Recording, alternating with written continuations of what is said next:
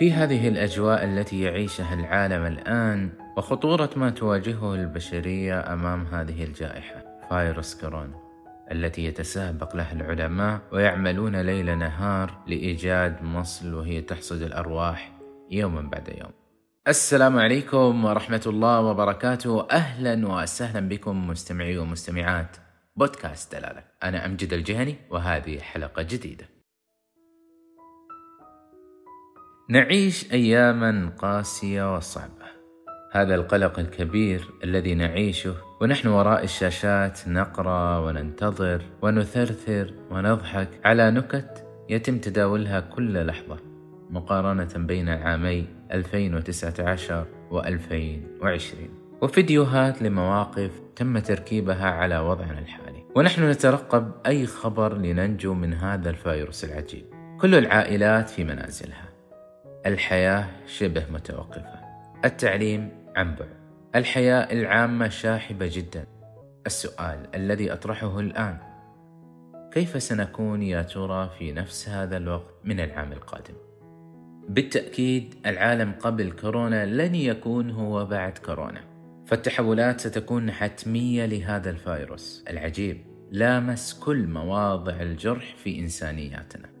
وفي النظام العالمي والرأسمالية التي تحتضن ولا ننسى القيم والأخلاقيات والمعايير الثقافية السائدة التي كان لها دور في تشكيل الوضع الصحي داخل المجتمعات الإنسانية.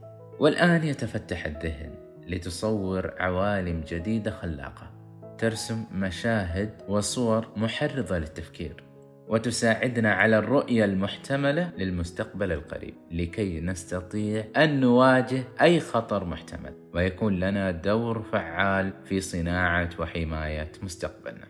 فنحن نحتاج إلى تخطيط للمستقبل عن طريق غربلة وضعنا الحالي على المستوى الثقافي والاجتماعي والاقتصادي وأيضا الإنساني والبحث في مواطن الضعف لدينا وتقويتها وقد يكون حالنا بعد سنة من الآن أفضل نظرا لطبيعة المتفائلة لأنه سيكون هناك تغير اجتماعي وثقافي ووعي إنساني أعمق. سيكون العلم هو سيد الموقف فنحن كان لنا دور في هذه الأزمة بأن نلتزم.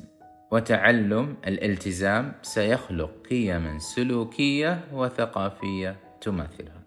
فبعد عالم ضاج بكل أنواع الحركة وضجيج الرغائب يصمت العالم أجمع في وقت واحد.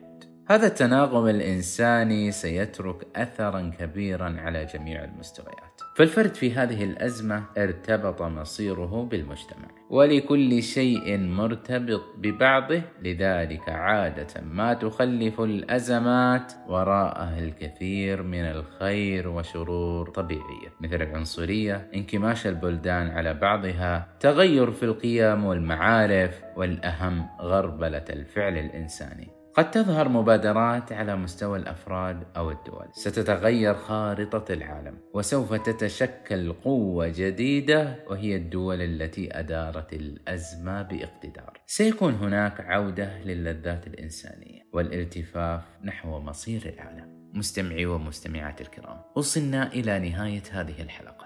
أتمنى إني قدمت لكم فائدة مرجوة وألتقي بكم بإذن الله في حلقة أخرى وبموضوع جديد. والسلام عليكم ورحمة الله وبركاته. هذا المقال مقتبس من صحيفة الرياض للكاتبة الدكتورة زينب الخضير